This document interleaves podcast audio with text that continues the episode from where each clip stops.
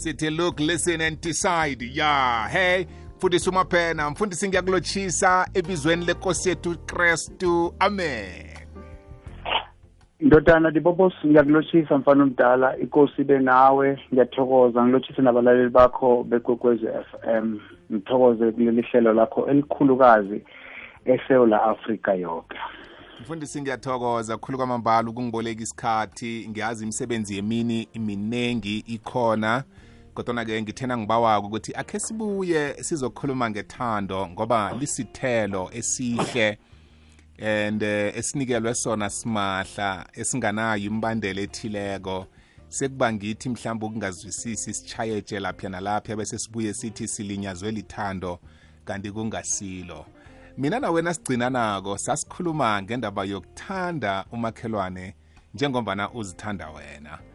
Kwafika lapha sithi siza kubuya sizokuragela phambili ngokuveza indaba yokuthi ithando lithembekile. Sele lithembekile liba nenzuzo. Sele ngimthandile umakhelwane. Yahlathululeka kamnandi ngelimi lesindebele yathi thanda umuntu womphakathi sele Yes. ngimthandile umuntu womphakathi ngizuzani mfundisi ama ngikunikela ithuba eh kube nguwe oyichisako ikulumo yethu yanamhlanje.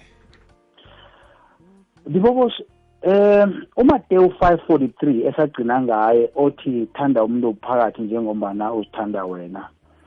Was- wasindlalela yona kuhle indaba le kodwa namhlanje sizoba dibhanyana ukuthi iSouth Africa nabasema-ofisini inkhulu eziphetheko bakhona ukusizwa ukuthi sibingeni ngaleli hlelo le-love monday. Yazi bobo ngithena nawungitshela ngale ndaba ukuthi siyayibuyelela uzimo wakhuluma dibhanyana nami. Ya wathi khuluma dibhanyana nami dibobos eh wathi ubobo wangilalela mfundisi mabhena nangimtshelako ukuthi amahlelo wakhe awathome ngethando. Mm. ngoba mhlawumbe wena wazi bobo u- u- usebenza kusukela ngomvulo uyokufika ngolwesihlanu. Mm amalanga la ngokwahlukana hlukana kwawo unenhloko zakhona. Mm kodwana mhlambe from nowhere angazi mina zange sikhuluma indaba leyo mara ngizama ukuyiveza emoyeni ukuthi uzimo wathi ngomvulo thoma ngethando ngoba mina zimo ngilithando. Ah. Amahlelo wakho wonke alandelako asekelwa lithando lela ukuyokufika ngelesihlanu. Mm mm Ng- ng- ngamanye amezwi libobos ngizama ukuletha ukuthi wonke umuntu ongilaleleko into yakhe nakangayithoma ngethando. Ubaba nakayokusoma namkha isokana naliyokusoma intombi lingayi ngoba linenkaniko ezithile. Aliye ngoba limthanda umuntu wabantu. Mm. yonke into le ezokulandela lapho idlula ukwenza uzima uyayingezelela. Kodwana nawulisokana uya ngenkaniko zakho ezithile into le iphelele emoyeni ngoba uzima uhlola ingaphakathi lomuntu Mm. ukuthi uye ngani mm. Namhlanje zibobo siyaxhaga emalokishini esihlala kiwo emphakathini wethu njengoba i- i- ibhayibheli lesindebele lathi thanda umphaka thanda umuntu womphakathi njengombana uzithanda wena. Namhlanje emalokishini wethu lapho sisebenza khona siya- siyaxhaga sihlagiswa babantu abasiphetheko ngombana akhange beze emsebenzini lo banethando. Mm ithando lithi na uyokuphatha omunye umuntu umthanda loyo muntu uyofuna ukumthuthukisa umenze abe ngcono. Ya. Nakanephutha umbizele ngeqadi umkhombise ukuthi angalungisa njani ungamtshashawuli phakathi kwabantu. Uthi hey wena ngicatshizolo cala ukuthi wenzani uzongimotshela ifem awukwazi ukukwenza lokho na umthanda umuntu. Ngizakucotsha nje ngizakucotsha baningi abantu akade bawufuna lo msebenzi. Ndibobosi manje uzimo abantu sekuthi bobo eh sikhuluma mhlambe nabantu abanye abangafuni ukukholelwa ukuthi kukhona umuntu wasidalako omkhulu kunathi sonke wadala umuntu omhlophe wadala umuntu onzima wadala wo- wonke amakhala akhona wabantu lapha emhlabeni. Ene wasithanda ngokufanako. Akanandaba ukuthi eh umhlobo bani womuntu? Manje ngamanye amagama nase sithoma sibusana namkha nase sithoma sidosana phambili asidosane ngethando lela uzimu asidale ngalo. Yo. Namhlanje ngifuna ukudosa incwadi eh, eh, eh, ku-exodus ngibobosi e- ezokuhambisana naleli na- nale nkulumo esicedelela kwena namhlanje yokuthanda umuntu womphakathi. Bese sibona ukuthi uzimu uzosipha njani imivuzo ama-rewards. Lokho kumele sikuthole ngokuthanda umuntu womphakathi. Uyabona na uyikhansela lomphakathi othile kumele uye kulowo mphakathi uyobabuza ukuthi nihlogani njengoba sengiphethe nje. Mm ninawo amanzi ninayo igesi ninazo indlela ukhulume nabo. Uzimu uyokwenza ukuthi kube khona abantu abakhona ukukusponsora wena khansela namkha ugovernment. Angathi akanayo imali yokwenza lawo ma-projects. Ngoba wena uye ebantwini bakho wayokuhlala nabo phasi wakhuluma nabo ukuthi yini abayihlogako mara umbuzo nje ndibobo sengakubuza wona ukuthi wena lapho uhlala khona uyalazi ikhansela lakho lakhe leza kuwe lakhe lakubuza ukuthi yini oyihlogako yini oyifunako namkha bavela ngesikhathi bafuna ukuvotela. Angazi. Sengiyakhuluma ndibobosi ukuthi ubona eSouth Africa isitshaba esinzima sibonakala ngathi sihlaga kakhulu kunalokha kuyisikhathi se-apartheid kungombana into le yokuthi sichapulukile sisuke sayimisuse Mm. usho ukuthini mfundisi mabhena? Uverse 8 ebrabobo waka-exodus uthi na ukufunda ngesindebele ungalingi wamukele ukufunjathiswa lokha wenza umsebenzi othile ngombana lokho kuyokwenza ukuthi ungaliboni iqiniso nalapho likhona. Wow.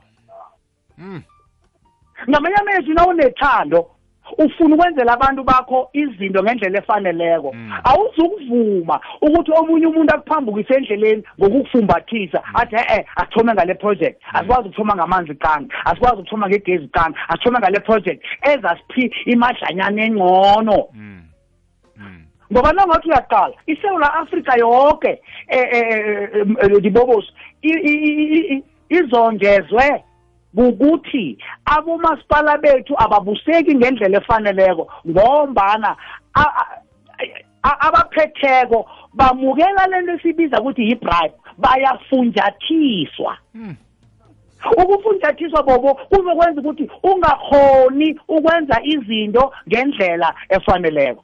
Angenza isibonelo godu mhlawumnye bazathi abaphethe kwamakhanselasi nabo na- boke aba- abasembusweni bazathi umfundisi mabhena ulwa nabo. No ngikhuluma nawo woke umuntu. Ndibobosi nawuphethe nawuphethe njengesondweni lami nangafika umuntu ophetheko mm.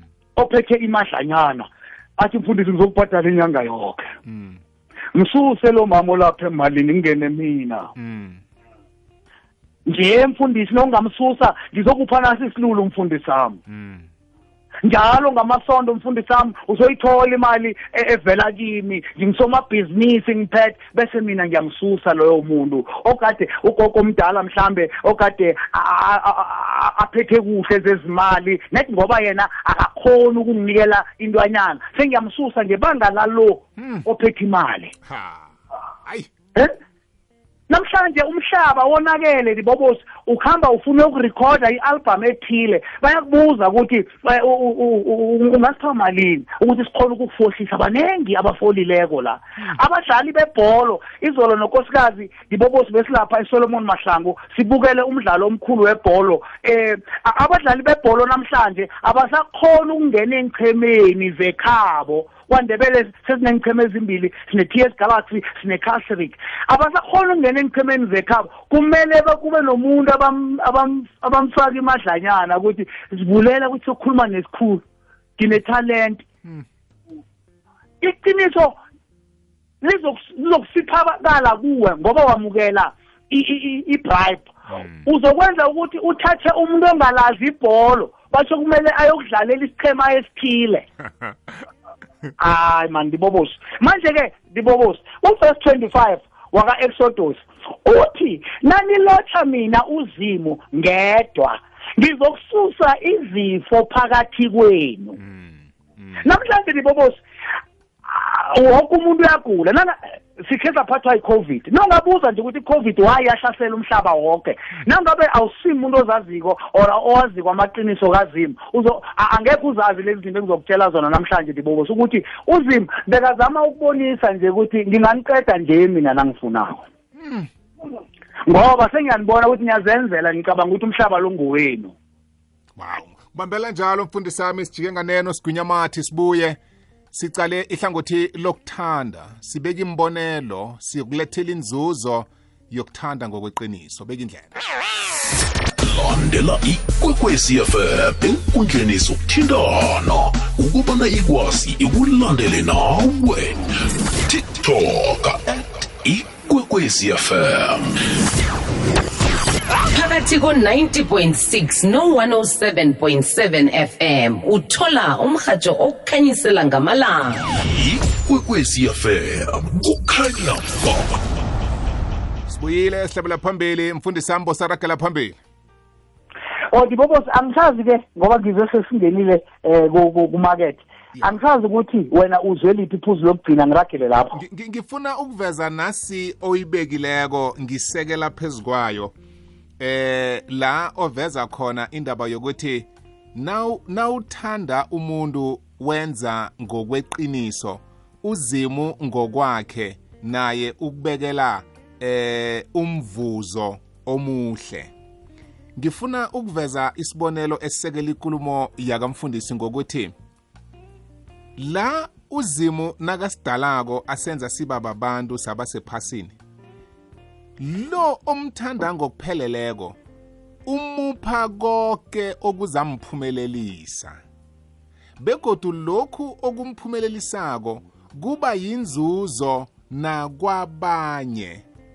Yena nakaziqalileko uzibona aphila ibhudango lakhe. Kungaba kusivezela umkhiqizo othileko osizako Yes. njengabantu. Yes. Kungaba kusinikela izenzelo ezithileko esizuzako kuye kodwana lokho kuba yinzuzo ayitholako njengomuntu ngokuthanda umdali wakhe. Bese konke lokhu kuhlezi ekutheni uthande uzimu qangi uzimu wamupha ama-benefits wokumthanda wambusisa bese sithi ubusisekile. Ngilokho ebengifuna ukukuveza mfundisi sami dibobosi ngiyakuthokoza mfana omdala ngoba uyiveze yaba yihle khulu. Ngifuna ukubuyela kule vesi laka-25 elithi khonzani mina ngedwa. Ngisabuyelela dibobosi ukuthi isitshaba esikhuluma naso kumele sazi ukuthi sikhuluma eh, eh kuleli hlelo ngombana si- sine-understanding sinokwazi ukuthi sinozimo owasidalako omkhulu kunathi sonke ngamanye amagama njengoba ngingumfundisi mabhena nawe ungubobo kulelo hlelo lakho. Awusimkhulu kunomlaleli wakho. Yes. Mina mfundisi mabhena angisimkhulu kunalaba ba- bantu e- engikhonza nabo namkha ibandla lami lapho ngikhonza khona. Ngi- ngi- ngi- ngilapho ngebanga lokuthi ngithunywe nguye uzimo uthi manje uzimo naninikela abantu bami lokho engimthume ukuthi nibanikele ngomusa ngaphandle kokuthi nifune ukuthi ba abanye banifumbathise ukuthi nibanikele lokho. Mina ngizokususa izifo hlangana nani. Bengibuyele endabeni yokuthi sibe nezifo eziningi ezi- eziba khona e- e- eSouth Africa sokugcina esihlukumezile isifo seCovid. Siye savala umnotho senza konke okumbi okungafanelanga. Ngase ngithi mina siphila nje thina esiseleko asikasali ngoba singcono. Sisele ngoba uzimo athi khe ngimthemba thembeke ukuthi nizatshintsha na sangatshintshi isithaba ndibobosi sangatshintshi isimo somuntu. Njengoba wena uthi ndibobosi uma nginikela lo muntu ithando ngendlela efaneleko ngendlela uzima afuna ngayo loyo muntu uba sibusiso emndenini akhe abe sibusiso esithabeni. Kanti lesi sibusiso ukhona ukusibona ngebanga likabobo David ngebanga likamfundisi Mabhena omnikele ithando ngaphandle kokufuna into ethile. So ngamagama uzimo mina enginikela omunye umuntu ithando simahla. Ngendlela uzimo afuna ngayo. uzimo ususa isifo phakathi kwami. Isifo bobo akusi- akusiyo i-covid kuphela akusiyo i-tb kuphela. Isifo kukuthi umuntu agule aphilile emzimbeni ugula njani? Akazi ukuthi yini angayenza nakavukako akunanto ayicabangako. Wayungasebenzi. Ah mina ang- ah, ngibhorekile kusho ukuthi uzima kakhona ukususa isifo sakho lesi ongacabangi. Abanye abantu they are not constructive noma bacabanga. Ah. Na- na- nanisemhlanganweni nikhuluma into eqinileko. Uyambona ukuthi nakaphakamisa isandla uyabheda lo muntu. Ubhediswa yini? Unesifo akanalo ithando. Uzima kakhona ungena ngaphakathi kwakhe amfake umkhumbulo ozokushintsha isitshaba. Ngoba nakamnikela umkhumbulo onjalo yena ufuna ukuwuthengisela abanye abantu. Mm. Hey bobosi Ah, mfundisi Inzima lento ephethe mfana ngi- Ngicale inzuzo ngamanye amagama eh nangisoloko ngigodlile ngingafuni ukuthanda umuntu womphakathi ngeqiniso. Kuthi ukuthi ang- angidimi yena leli thando engicabanga ukuthi ngimdima lona. Kuhle kuhle ngizidima mina eh ama benefits engathana ngiyawathola ngokuba muhle eh ekwenzeni kuhle eh esiphiweni engiso.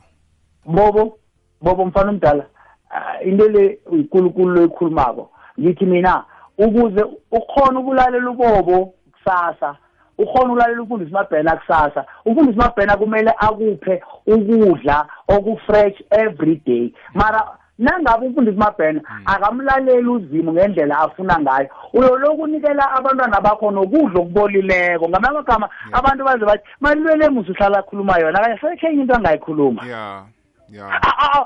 Yeah. Yeah. A- a- a- awubi effective bobo ngoba ugodle into uzima akuletha nayo ukuthi uzoyipha abanye abantu A- abantu abakwazi ukukhuluma bathi bobo kunomlambo ba- ba- na- i-dead sea bathi i-dead sea amanzi akhona a- a- a- awakhambi ngoba eh that's why noma ungafaka iface lapho ayiphili. Mm. ngamanye amezwi u- umlambo ongakhambiko amanzi akhona kakhona ukuhlala afresh. So in other words uma ngabe ithando awulikhambisi ngeke labakhona uphethe into yakade. Nawuthi uyakhuluma kuya- Oh. kuyabola nje. Ba- bayazi ba- ba- bazongizwa abalaleli Yo. ukuthi sometimes nasineminyanya e- emndenini yethu kunomuntu ongafuni u- ukukhambela eduze kwakhe. Ngoba uyazi nakakhulumako a- a- akakhulumi into ehle unehlamba unenzele unayo yonke into engafanelanga ngoba Yeah. akafuni ukupractice ithando lamambala. Yes yes. Naye naye ahuthule konke abe mutsha ngaphakathi. Injalo ngoba uzimu must refresh you. Na- nathi siyazi ndibobosi ukuthi ngesikhathi uzimu afuna ukukwenzela izinto kwenzeka izinto ezihle empilweni yakho uma ngabe eh uma ngabe eh ndibobosi khona intanyana encane nje besikhathi ngisayilungisa. Uma ngabe uzimu wenza wena njengomuntu omlalelako wenza lokho uzima akufunako. Uzima uzokwenzela yonke into wena oyifunako ngoba ibhayibheli lithi ujob ngesikhathi athandazela abangani bakhe. Uzima wahlangabezana nezidingo zakhe. Kungakho ujobha yonke into yamlahlekelako ndibobo siyabuya. Ngoba khange aqala ukuthi yini emlahlekeleko. Waqala ukuthi abangani bakhe nenhlobo zakhe yini abanganayo. Wazama ukufaka isandla ukuthi kulungise lezi zinto ezingekho. Uzima wathi o hayi nenkomo zakhe ezafako ngiyazibusa. Kanti wena ufuna ukubonelela abanye nawe unganakho. Wow. Mfundisi sami asidlulise umo lendaba nasibuyako sibanikele indlela otholakala ngayo. Mkhanyo kwaphela. Osusa ubumnyama zile namthweni mfundisi sami asibanikele indlela otholakala ngayo? 073 2204 339 076 5744 554 mfundisi uzima kwandisele la uthethe khona. Inkosi be nawe dibobosi uzimo alikhulise ukudlula leli hlelo ngombana lilapha isitshaba I- in fact libobosi lilapha isewula afrika yonke ngoba into engikholelwa kiyo wonke ama-radio stations nabalaleli bakhona bayalilalela leli hlelo ngoba bayazi ukuthi kunokuphila ngithokozile libobosi. Sithokozile isibusiso mfundisi sami kube imini emnandi ngapho.